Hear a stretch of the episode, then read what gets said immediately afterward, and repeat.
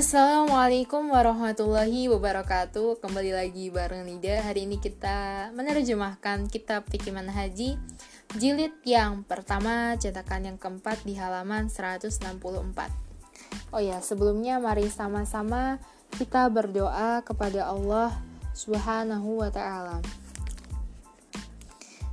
Allahumma alimna ma yanfa'una wanfa'na bima 'allamtana wa zidna ilma. Allahumma arinal haqqa haqqan warzuqna ittiba'ahu wa arinal batila batilan warzuqna ijtinabah Allahumma la sahla illa ma ja'altahu sahla anta taj'al hasna in syi'ta sahla. Amin amin ya rabbal amin Kita sampai di halaman 164 di bab perbedaan antara laki-laki dan perempuan dalam sholat. Nah, perempuan disunahkan eh, yang sunahnya ini berbeda dengan laki-laki dalam lima perkara. Yang pertama, merapatkan setengah anggota ke anggota yang lain ketika sujud, yaitu dengan merapatkan kedua siku kepada dua rusuk ketika sujud dan merapatkan perut dengan kedua paha.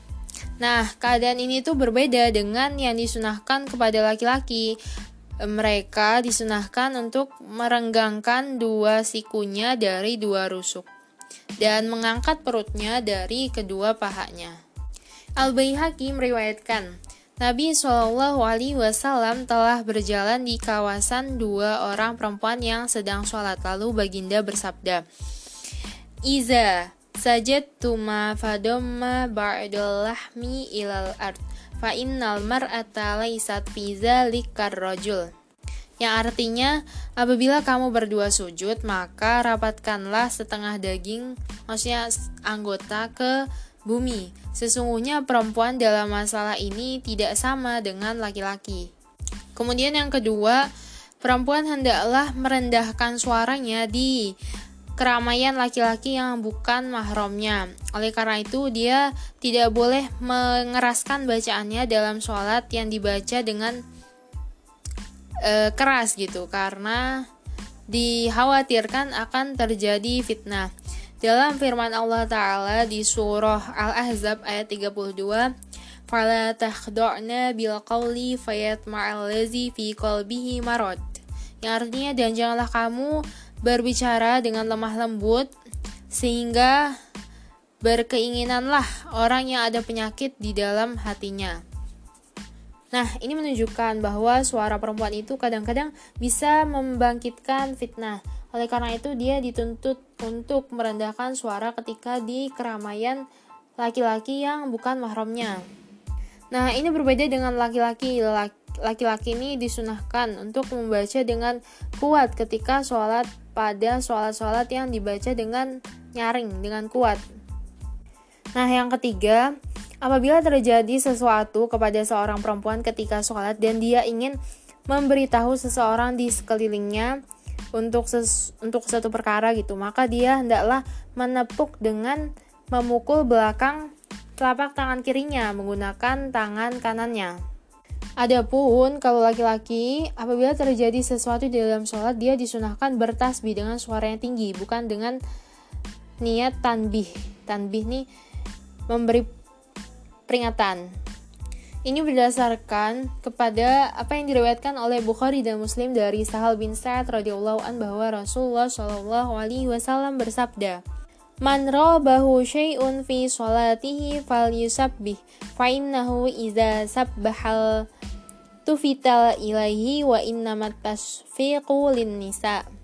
Yang artinya, barang siapa yang merasa ragu terhadap suatu perkara yang perlu diingatkan ketika sholat, maka hendaklah dia bertasbih. Karena sesungguhnya apabila dia bertasbih, perkara yang diragukan itu akan diberikan peringat perhatian manakala menepuk tangan hanyalah untuk golongan perempuan yaitu dengan memukul belakang telapak tangan dengan eh memukul belakang telapak tangan kiri dengan telapak tangan kanan.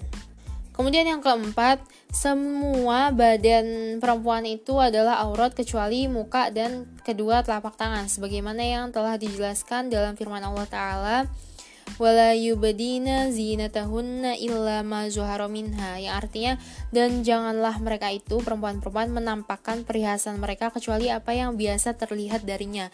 Ini ada di surah An-Nur ayat 31. Dan yang masyhur di sisi jumhur ialah yang dimaksudkan dengan perhiasan itu anggota-anggotanya dan yang dimaksudkan dengan apa yang terbiasa terlihat darinya itu adalah muka dan kedua telapak tangan. Pendapat ini diriwayatkan oleh Ibnu Katsir. Abu Daud dan lainnya meriwayatkan dari Ummu Salamah radhiyallahu anha bahwa dia telah bertanya kepada Nabi Shallallahu alaihi wasallam Adakah seorang perempuan itu boleh sholat dalam keadaan memakai baju dan e, penutup kepala tetapi tidak memakai kain sarung? Kemudian Rasulullah menjawab, boleh jika pakaiannya atau bajunya itu panjang sampai menutupi bagian atas kedua kakinya. Nah, di sini jelas ya bahwa apabila pakaian itu menutupi bagian atas kedua kakinya ketika berdiri dan ruku, dia pasti akan menutupi ketika sujud dan juga menutupi telapak kakinya disebabkan rapatnya setengah anggota dengan setengah yang lain ketika sujud. Nah, ini lihat pembahasan tentang syarat-syarat sholat. Adapun aurat laki-laki adalah di antara pusar dan lutut, di mana jika dia sholat dalam keadaan hanya menutup antara pusar dan lutut, maka sholatnya itu sah. Edda Rukutni dan Al-Baihaqi meriwayatkan secara marfu' Ma fawqar rukbataini minal aurah wa ma asfala minas surrah minal aurah. Apa yang di atas dua lutut adalah aurat dan apa yang di bawah pusar adalah aurat. Al-Bukhari meriwayatkan dari Jabir radhiyallahu an. Dia Jabir sholat dengan memakai satu pakaian atau baju dan dia menyatakan aku melihat Rasulullah Shallallahu Alaihi Wasallam sholat dengan satu baju. Nah dalam riwayat lain disebutkan Jabir telah sholat dengan memakai satu kain yang diikat dari arah tengkoraknya. Nah kebiasaan kata kain dalam hadis disebut izar adalah maksudnya tuh Pakaian yang menutupi pertengahan badan yaitu di antara pusar dan lutut dan kawasan yang e, berdekatan dengannya. Kemudian yang kelima, perempuan disunahkan ikomah tetapi tidak disunahkan azan. Maka walaupun dia azan dengan suara yang pelan, hmm, itu tuh tidak makruh dan azan tersebut dihitung sebagai zikir yang diberikan pahala kepadanya. Dan kalau dia mengeraskan suaranya ketika azan, maka itu makruh dan menjadi haram e, karena khawatir akan terjadi fitnah. Nah, berbeda dengan laki-laki, sebagaimana yang sudah kita ketahui bahwa azan itu disunahkan kepada laki-laki ketika menunaikan sholat yang fardu. Oke, kita sudahi dulu. Di sini sudah azan. Syukron, semoga bermanfaat. Setelah ini akan dibahas perkara yang membatalkan sholat.